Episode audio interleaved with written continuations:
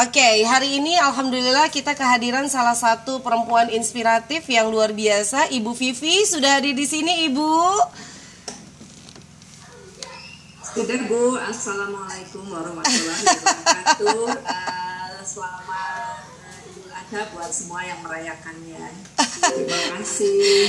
Baru beres meeting nih sama Ibu Vivi karena kami sama-sama ada di Business Network Internasional dan saya juga bisa ada join di uh, komunitas yang saya ceritakan kepada ibu-ibu yaitu di Business Network Internasional itu karena Bu Vivi ya saya direferalkan masuk ke dalam dikenalkan ke teman-temannya Bu Vivi yang luar biasa juga itu karena referral yang luar biasa. Dan hari ini saya pun mau Bu Vivi berbagi inspirasi kepada teman-teman semua. Apa ya namanya tuh di tengah kesibukannya yang luar biasa saya yakin uh, Bu Vivi pasti mau lah gitu. Karena saya tahu Bu Vivi ini someah mau cek orang Sundama ya uh, ramah pisan gitu. Dan kita harus belajar dari ibu ya Ibu Vivi yang uh, pernah cerita kepada saya bahwa beliau ini adalah anak seorang petani di uh, di mana Bu? Pangalengan ya. Dan sekarang ini jadi so Pangalengan. Benar ya? Benar. Ibu nggak usah di mute lagi ya Bu? Nggak usah di mute lagi langsung aja Uh, tapi bagaimana sekarang beliau menja bisa menjadi pengusaha dengan skala internasional. Beliau ini mungkin teman-teman pernah dengar nggak saya mau bikin koleksi perhiasan dengan nama Hadijah tapi tidak jalan karena memang masih terbentur dengan sistemasi kalau di kita ini kalau beli emas itu kan harus on the spot gitu ya. Nah, sedangkan kita semua itu online gitu kan. Jadi masih terkendala itu. Nah, beliaulah sebetulnya yang mengajak saya kerjasama dan dari beliau juga saya mendapatkan begitu banyak inspirasi awalnya beliau ini adalah klien uh, saya teman-teman. Jadi uh, kedua mertua beliau dibuatkan biografinya oleh saya. Kemudian beliau mereferensikan juga sahabatnya dibuatkan juga biografi. Dan sebentar lagi biografinya Bu Vivi yang akan hadir di tengah-tengah kita semua Masya Allah. Dan bagaimana proses uh, saya kemudian bisa uh, menghadirkan Bu Vivi di sini sebagai inspirator juga saya pengen mulai tanya-tanya sama Bu Vivi. Ibu, selamat pagi, sehat-sehat ya Bu ya. Alhamdulillah sehat Bu. sehat Ibu. Saya pengen ini uh, teman-teman di sini kan uh, apa namanya itu tema besar kita itu adalah bagaimana menginternasionalkan bisnis dari nol. Ya, mungkin Ibu bisa cerita dulu awal mula Ibu berbisnis itu seperti apa, Bu? Ya, Uh, salam kenal buat semua timnya Bu Indari yang menurut saya Ibu Indari yang luar biasa ya. Banyak menginspirasi bisa ngumpulin berapa Bu? 120 ribu? Member ya 20 ribu member. Itu, ya itu nggak main-main ya. Itu satu yang hal yang besar. Saya tahu Ibu Indri sejak lama jadi uh, seorang yang sangat luar biasa yang jarang sekali ya Uh, saya sendiri uh, mungkin memperkenalkan, katanya kalau nggak kenal maka nggak sayang. Jadi sebetulnya saya sendiri uh, uh, Pak bapak saya dari Pengalengan, jadi kira-kira 60 km dari kota Bandung. Itu satu desa yang uh, terkenal dengan pertanian. Jadi bapak saya itu lebih ke pertanian, peternakan, uh, peternak ayam, ya. Dan di sanalah kami memulai. Jadi ibu saya tuh mempunyai ibu bapak saya tuh punya tujuh anak. Saya anak kelima dari tujuh bersaudara dan e, betapa sulitnya kehidupan e, di pertanian waktu itu. Saya lahir 57 tahun lalu e, dan itu e, sulit sekali dan petani itu malah saya dengar juga ada sebagian yang masih terikat oleh ijon. Itu satu lingkaran yang sangat berat sekali sehingga kami rebutan dengan ijon gitu loh uh, keluarga. Uh, sedangkan yang membutuhkan makan dengan uh, ijon itu rebutan. Nah inilah awalnya saya sendiri betapa rindunya bahwa Indonesia harus mendunia. Dan khususnya juga untuk orang-orang Indonesia saya sangat yakin bisa untuk menjadi internasional itu nggak masalah yang jadi fondasi dari kita semua adalah kita harus punya karakter yang betul-betul berharga. sebentar mungkin nanti Ibu In saya juga ingin share tentang yang Stefan Habit. Itulah buku yang mengubah hidup saya juga. Bagaimana saya mempunyai kerinduan yang sangat untuk uh, membuat sebuah kota, uh, kota bintang 5 dengan harga kaki lima. Jadi saya ingin mengajak semua, ayo ini negeri kita kita cintai, ayo kita bersama-sama gitu. Masalah yang harus kita hadapi adalah masalah mental jadi di Seven Habit ini mengajarkan bagaimana kita tidak mempunyai mental recehan, tapi kita harus mempunyai mental seorang juara, mental seorang pemenang. Jangan banyak alasan. Seorang yang berhasil selalu akan berpikir bagaimana dia mencari jalan keluar. Ada seribu cara menuju ke Roma. Jadi kita nggak usah takut dengan masalah. Karena orang yang sukses adalah orang yang kenyang dengan masalah Artinya apa? Pada waktu kita mempunyai masalah, eh, kita nggak pernah give up. Kita mencari jalan keluar, kita belajar dan belajar, kita baca buku yang bermanfaat untuk membuat karakter kita terbangun. Karena ini nggak instan, semua harus dibangun atas dasar yang benar, gitu ya. Semua harus dibikin dulu bagaimana uh, di Stephen Covey ini uh, saya diajarkan tentang buku bagaimana saat kita disalahkan, bagaimana saat kita ada di dalam sebuah peti mati, ya. Apa yang akan orang bicarakan tentang kita di saat itu, apakah orang menghujat kita atau justru membicarakan kita karena kita sudah bermanfaat saat kita hidup di dunia ini. Jadi itu adalah sesuatu yang eh, memulai hidup saya bahwa apa sih yang mau dikatakan oleh anak-anak kita, oleh keluarga kita, oleh orang tua kita, saudara-saudara kita saat kita di akhir hidup kita. Nah ini ini ini sangat penting sekali. Ini menjadi fondasi. Sebab gini, uh, sebetulnya Indonesia sangat berpotensi untuk kok kayaknya kondisinya ngeri banget ya gitu. Kok kondisinya covid ya? Waduh kita mendengar ambulans ya. Kita mendengar yang sakit kita dengar yang itu dan ini. Kita harus punya mental seorang pemenang kita harus punya mental seorang juara.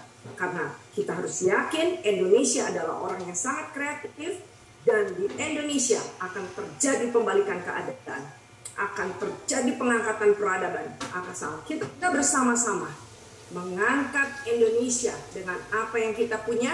Dan Ibu Yundari dengan saya baru tadi meeting di BNI Business Network Internasional. Bagaimana kita harus saling membantu dulu?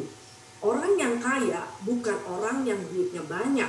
Orang yang kaya itu kaya akhlaknya kaya hatinya kaya pikirannya kaya jiwanya dan kaya mentalnya Sebab untuk menuju internasional itu tidak susah ya. Karena kami sendiri dari nol. Saya dengan suami juga membangun bisnis dari nol.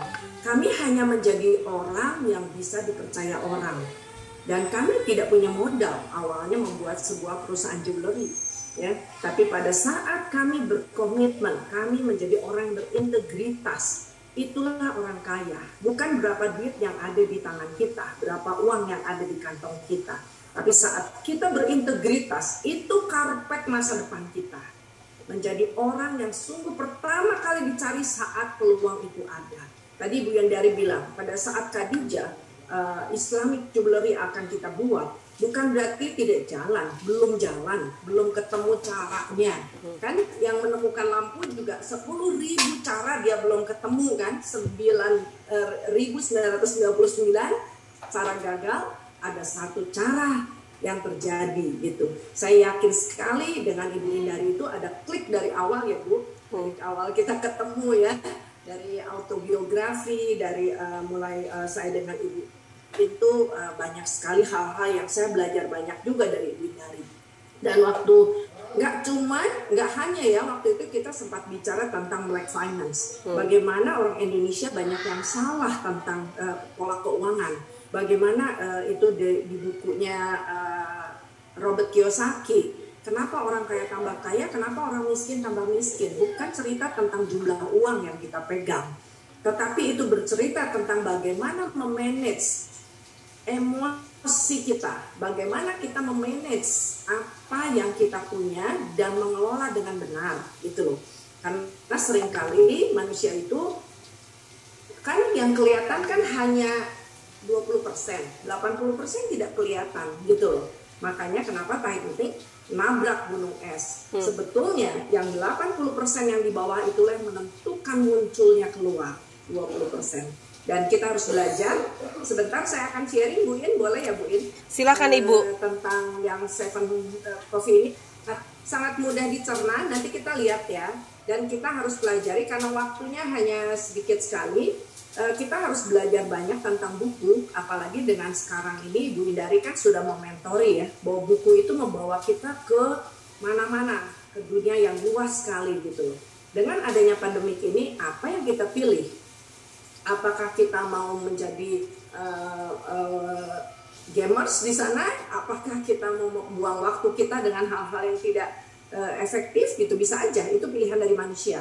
Tetapi orang-orang yang efektif di dalam hidupnya, orang-orang yang uh, jadi tim kerja saya selalu saya mengajak mereka untuk membaca buku ini dan mempelajari. Kalau kita baca bukunya cukup tebal, kira-kira 3 cm dan itu cukup berat membacanya. Tapi buku Stephen Covey ini hidup yang efektif. Ini tolong disimak, tolong diulang-ulang. Saya sebetulnya sudah share ke Ibu In.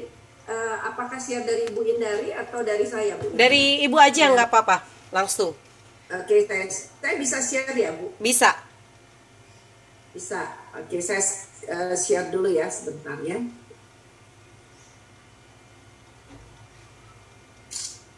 Sebentar saya membukakan. Ini tolong okay. disimak. Uh, sebentar ya.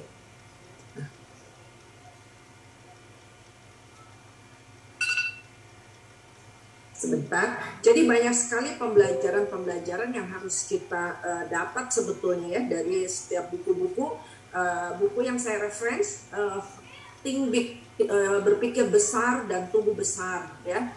Terus uh, positive thinking. Uh, terus uh, saya membaca buku-buku positif karena itu menjadi fondasi kita. Buin kayaknya nggak bisa tuh Buin. Uh, bisa ini nggak Buin dari yang Buin? Sebentar. Saya bisa share. Saya soalnya lagi merekam, Bu. Ah, ah, ah, Saya lagi rekam di podcast. Jadi nggak bisa okay, buka okay. yang dari Ibu. Stop, stop dulu ya sebentar. Ya. Ah, gini. Ya, oke. Okay. Oke, nanti saya akan mungkin minta ibuin untuk nanti share ya Bu. Iya, siap. Tentang hidup yang uh, efektif uh, dan uh, kita harus belajar. Jadi gini loh, uh, ibu-ibu, uh, jangan pernah kita punya pemikiran gini kita siapa sih yang salah karena hidup saya begini? Apakah ibu saya? Apakah bapak saya? Apakah tetangga saya? Apakah kucing saya? Atau apa pun.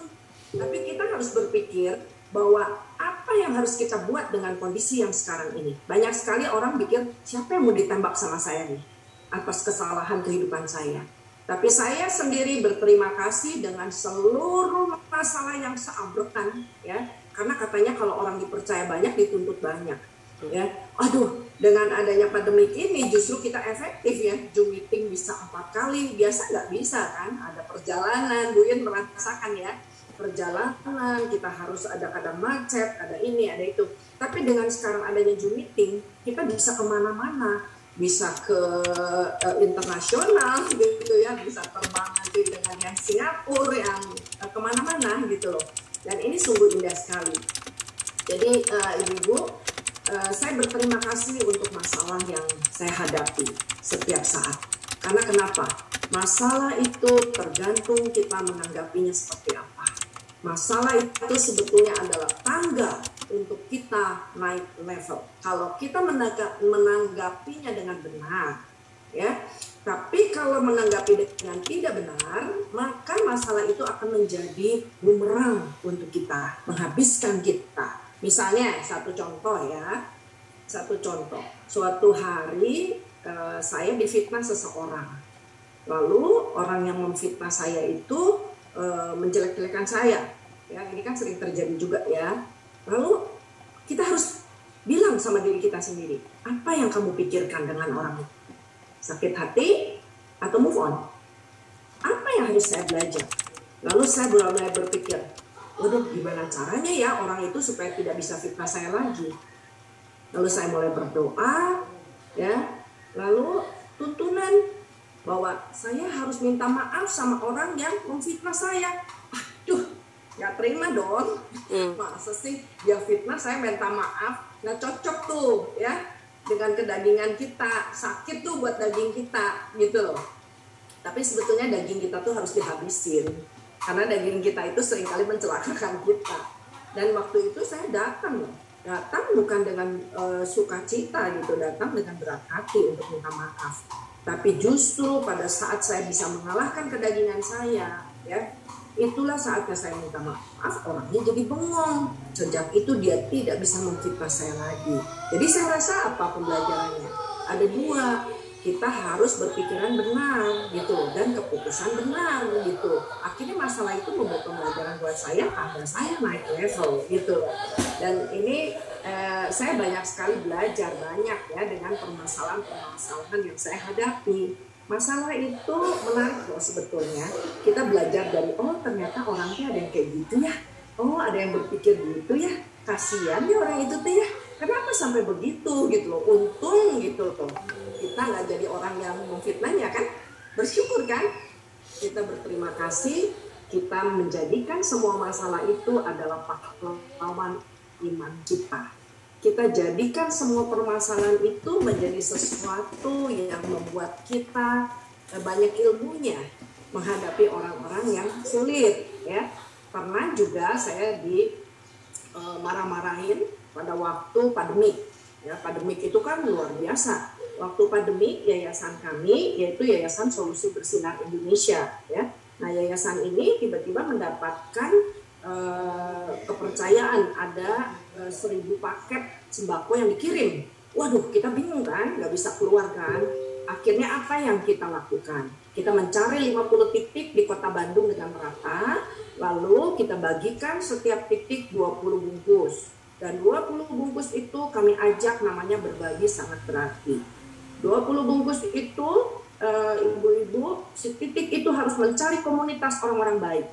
Dan orang-orang baik itu mulai. Ada yang uh, sembakonya dimasak dibagikan ke tetangga dia kumpulkan orang baik kumpulin lagi. 20 bu. Bisa jadi ada yang 750 paket ada yang bayangin dengan kebaikan dan mengumpulkan orang-orang baik saya yakin Indonesia akan terjadi sesuatu kembalikan keadaan mengangkat peradaban itu yang penting kita punya hati yang baik dan kita terus uh, arahkan hati dan pikiran kita ke arah yang positif. Jadi jangan pernah mau berteman dengan yang negatif, ya. Kita tidak boleh ditentukan hidup kita oleh omongan orang gitu loh. Karena orang kan nggak bisa dikendalikan sama kita, ya. Ya mau ngomong apa, mau mikir apa, kita bisa nggak bisa ngomong gini. Eh, jangan ngomong kayak gitu dong. Saya nggak suka kamu ngomong begitu. Nggak bisa juga kan Berarti kan orangnya tambah marah sama kita kan, tapi kita bisa mengendalikan perasaan kita. Inilah kira-kira fondasi-fondasi yang dibutuhkan untuk menjadi seorang pemenang. Sekalipun kita anak seorang petani, sekalipun apa pun kondisi kita, jangan jadikan itu sebuah alasan. Karena orang gagal selalu punya satu alasan. Dan jangan pernah berpikir negatif. Saya pernah saat punya satu teman. Dia punya uh, pemikiran yang sangat negatif ya. Uh, dia bilang begini uh, uh, dia bilang begini ah saya mah memang orangnya nggak beruntung. Saya mah orangnya sial apa yang kau pikirkan itu yang akan terjadi? Jadi bangun tidur. Kita wajib mempunyai pikiran positif karena kenapa? 5 meter di sekeliling kita akan terpengaruh dengan aura positif kita. Bu Vivi. kita punya aura negatif ya Oke, Bu Vivi. Jadi kalau kita mau jadi pengusaha internasional, pasti yang pertama itu adalah kita harus punya aura positif, punya mental pemenang, kemudian juga kita mulai terhubung dengan uh, teman-teman yang memiliki mental yang seperti itu juga, gitu ya, Bu Vivi ya? Betul betul. Karena biasanya Bu In, orang-orang yang punya mental yang sama akan berkumpul dengan orang-orang yang sama. Hmm. Kita lihat aja kelompok kelompok ya seperti kan kelompok-kelompoknya, kelompok apa ya? Kelompok-kelompok misalnya orang-orang yang senang dengan narkoba biasanya senang kumpul dengan orang-orang narkoba lagi kan. Hmm. Tapi orang-orang positif juga senangnya dengan orang-orang yang positif. Orang yang senang baca buku kumpulnya dengan orang yang senang baca buku gitu loh Bu Oke. Okay. pengalaman yang saya rasa. Dan uh, menjadi pengusaha internasional dalam artian gini uh, walaupun kondisi saat ini uh, kita ada di misalnya nih di tangga kalau Bu Vivi itu sering banget pakai kata tangga gitu ya. Di tangga yang kedua tapi uh, mereka yang ingin menjadi pemim, uh, sorry pengusaha internasional dia pasti sudah melihat tangga ke 10 gitu ya. Dia begitu uh, punya uh, apa ya visioner untuk masa depannya. Apakah Bu Vivi juga seperti itu? Waktu masih menjadi seorang anak seorang remaja atau belum sampai menikah dan membangun bisnis? Uh, sebetulnya untuk melihat tangga yang ke 10 Bu In uh, waktu itu kita sempat bahas juga ya bahwa tadi kan kita dikasih baca buku uh, Who's the Room? Siapa yang ada dengan kita? Katanya dengan siapa kita bergaul dengan yang punya penghasilan berapa itu akan mempengaruhi kita ya. Jadi kita kalau bergaul dengan orang-orang yang punya penghasilan misalnya Bu Indri punya penghasilan uh, satu miliar satu bulan teman kita punya penghasilan 100 juta per bulan, si B 10 eh, juta per bulan, kita tambah tambah tambah lalu bagi 10. Biasanya seperti itu. Hmm. Jadi uh, sebetulnya pada waktu saya SMA ya, itu memang uh, Tuhan sudah kasih karunia untuk menjadi leaders dan uh, kita harus mulai memilih teman-teman kita dengan siapa kita berteman karena itu akan menentukan masa depan kita. Jadi untuk tentang sebuah visi tentang buat sebuah visi itu uh, saya sendiri gini. Saya punya keyakinan saat saya ingin naik lantai kedua maka saya harus berani berbuat baik untuk menilai menambah nilai hidup saya. Ya kan setiap orang punya nilai hidup ya. Nah pada waktu kita naik naik berbuat kebaikan nah pada saat sering kali manusia merasa orang merasa gini saya sudah berbuat baik kok saya sudah melakukan segalanya tapi berhenti di bordes. Sehingga tidak melihat apa-apa gitu loh. Nah ini harus terus sampai naik ke lantai kita masih terus harus berbuat lagi sesuatu yang positif sampai di lantai dua baru kelihatan. Hmm. Itu kira-kira Bu Oh baik, oke. Okay. Nah Bu Vivi boleh nggak cerita awal ibu kemudian uh, bisa uh, go internasional itu step step uh, bisnisnya itu seperti apa? Apakah ibu juga uh, kemudian bernetworking dengan mereka yang ada di luar negeri? Misalnya ibu mau ke Perancis, kemudian uh, berkawan dengan teman di sana atau seperti apa stepnya bu? Uh, jadi gini bu, pada waktu kami mulai dari hal yang sangat kecil, kami itu sebetulnya kan mulainya dari toko emas kecil, ya. Jadi toko emas kecil itu pada waktu itu kita Krismon 98 dan pada waktu Krismon uh, saya waktu itu suami saya itu produksi saya sebetulnya sales ya hmm. 97 itu saya sales mas. Dan uh, waktu itu saya ada bos emas tapi pada waktu Krismon semua tuh uh, bos saya juga termasuk yang ke Malaysia gitu loh. Hmm. nah pada waktu emasnya 57 ribu lagi akhirnya orang mencari saya kan karena saya sales kan mukanya yang kelihatan yang keluar gitu dan pada waktu mencari saya terus saya minta suami saya mulai produksi suami saya mulai produksi uh, dari awalnya itulah uh, integritas Bu In itu penting dulu ya. Karena kita untuk network itu nggak terlalu sulit tapi yang penting fondasi tadi kita kuat dulu. Pada waktu uh, berintegritas itu 98 itu produknya kami di Lebur itu nomor satu tertinggi di Indonesia. Hmm. jadi uh, kenapa bisa begitu? Karena memang kami uh, tidak berjanji kami takut uh, untuk kami uh, uh, suami saya juga komitmen untuk melakukan uh, misalnya emasnya 70% ya kita bikinnya 70% gitu loh. Nah, itu membuat uh, pada waktu itu kita dipercaya banyak. Dan satu, komunitas itu penting sekali. Komunitas waktu itu saya mulai berani uh, ikut uh, pameran emas. Hmm. Namanya ada satu asosiasi pameran emas Indonesia. Jadi itu pameran seluruh Indonesia maupun internasional digabung terbesar se-Indonesia. Apakah kita berani? Saya kan lulusnya SMA ya Bu In, hmm. jadi Inggris nggak bisa gitu loh. Terus juga ada ketakutan nggak? Ada ketakutan untuk ikut uh, pameran, tapi kita harus berani mengalahkan diri kita sendiri. Kadang-kadang musuh itu diri kita sendiri. Nah, itu ikut aja Bu In, padahal itu masih aduh kecil banget gitu ya. Nah, pada waktu kita ikut pameran itulah kita ketemu dengan distributor uh, distributor seluruh Indonesia. Jadi bertahap ya. Hmm ber, uh, masuk lalu kami mulai lagi gitu uh, ikut yang internasional. Hmm. gitu loh Buin kira-kiranya. Oh jadi lebih ke pada waktu mengikuti pameran-pameran itu baru ketemu bayarnya gitu ya? betul. Oh masya allah. Ada network. Ada ya, network. komunitas itu yang membawa kita. Sekarang ada di mana saja bu uh, untuk penjualan emasnya bu? uh, sebetulnya saya saya pernah juga sampai ke uh, Dubai uh, ke Amerika juga pernah ke Hong Kong juga pernah Uh, jadi barang-barang uh, kami itu sebetulnya cukup banyak ya tersebar ke luar negeri. Uh, terus uh, saya sendiri uh, ingin juga mengembangkan di Indonesia karena Indonesia sebetulnya potensial banget ya untuk bisnis dan ke luar negeri itu sebetulnya kesiapan juga diperlukan juga Bu. Jadi sistem uh, apa namanya SDM-nya orang-orang yang bisa berbahasa Inggris itu kan semua juga harus disiapkan ya Bu. Ya. Oke, okay, dan seperti kita kan lagi belajar juga ya. saya dan Bu Vivi lagi belajar bahasa Inggris bareng-bareng. Jadi kita kalau kalau lagi uh, chat ya di WhatsApp, masya Allah ya kita suka bertukar. Bu Vivi, aku sekarang punya mentor bahasa Inggris, terus Bu Vivi kasih lihat ini lihat video ini ya. Pokoknya kita itu memang dari klien, kemudian sekarang kita bersahabat baik, kemudian kita berorganisasi untuk apa teman-teman? Saya tuh belajar banget dari Bu Vivi yang uh, sudah menjadi pengusaha kelas internasional tapi menisomea kalau kata orang Sunda mah ya.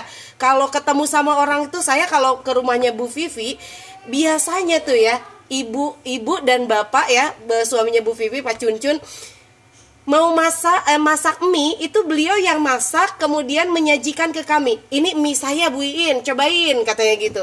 Maknya ya ada yang kayak begitu itu yang saya benar-benar exciting banget. Kalau saya sering lihat banyak orang yang sudah ada di level Bu Vivi itu semuanya itu serba asisten rumah tangga. Tolong ambilin minum tolong ambilin ini. Kalau Ibu Vivi mah enggak teman-teman masya Allah. Itu yang saya merasa bahwa Bu Vivi itu cocok lah uh, sharing inspirasi bersama teman-teman semua. Sudah ada di level ini tapi tetap tidak pernah berhenti untuk berbagi dan someahnya juga nggak berhenti berhenti gitu. Udah kelas internasional. Jadi nah tadi yang saya uh, sedang disampaikan sama Bu Vivi yang pertama teman-teman ya. Satu mau jadi pengusaha internasional teman-teman harus punya mental yang bagus. Ya jadi katanya mau jadi pengusaha internasional tapi cuma bangun tidur aja masih mikir aku mah ada orangnya bodoh gitu ya. Aku mau orangnya juga naon atulah gitu kan. Ya kumaha tuh bisa nyampe ke sana. Mentalnya harus mental pemenang.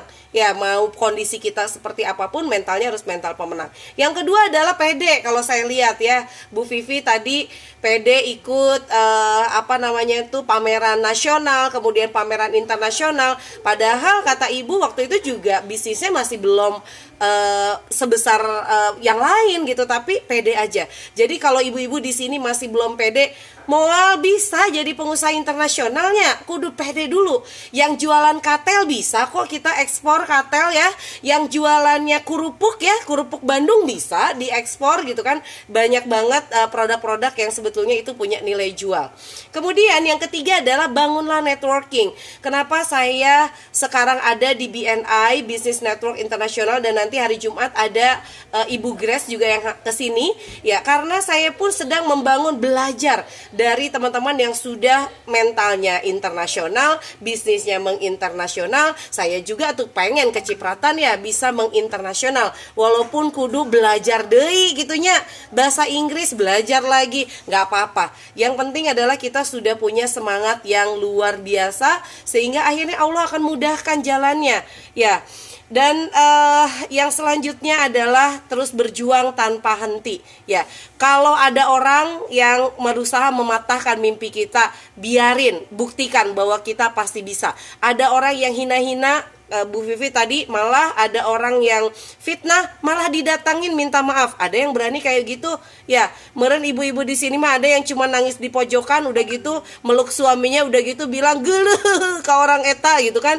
Tapi Bu Vivi mah datang loh datengin orangnya kemudian malah minta maaf. Sampai mungkin orang yang fitnahnya eh perasaan Iya gue mitnah dia kenapa dia yang minta maaf? Dari situ hubungannya akan terjalin dengan sangat baik. Siapa yang tahu bahwa yang fitnah kita ternyata bisa jadi partner yang luar biasa? Kenapa? Karena integritas kita yang di mata dia itu sangat luar biasa.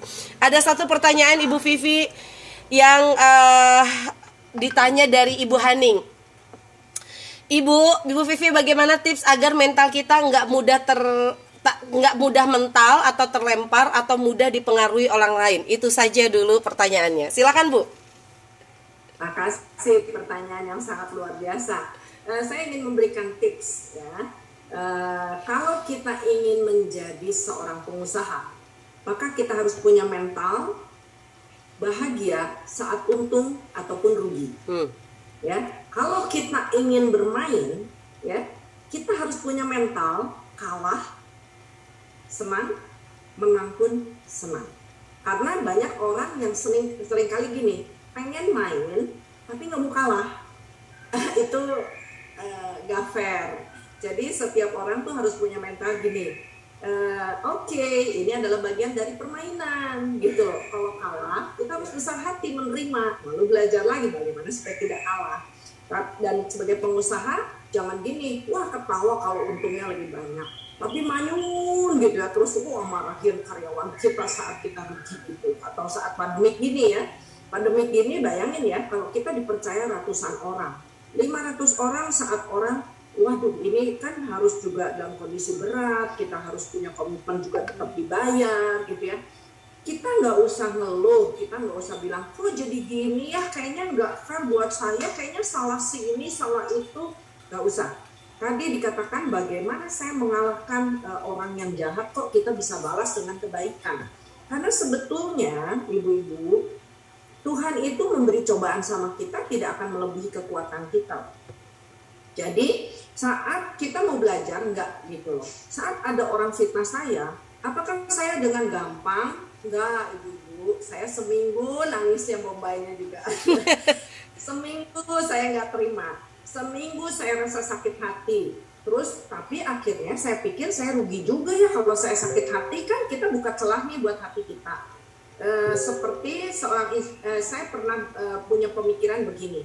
Ada satu cerita ya ada tukang sampah ngelewat satu rumah ibu yang baru pindah rumah baru.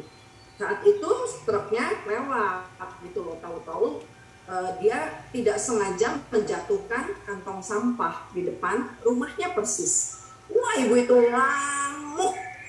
Mungkin pada waktu ibu itu ngamuk, uh, supir truknya lagi keketawaan. Nggak tahu juga ya karena dia nggak tahu kalau itu menyak, uh, membuat kesel yang jatuhin sampahnya gitu ya. Akhirnya ibu itu kesel. Besok saya tunggu ya gitu. Ini kalau uh, truk sampah saya tunggu jam 6 eh nggak datang datang. Jam 8 nggak datang. Besok udah seminggu nggak ketemu terus dia taruh tong sampah itu di uh, kantong sampah itu di kamarnya. Seminggu kemudian ibu itu meninggal karena dimakan ulat yang keluar dari sampah.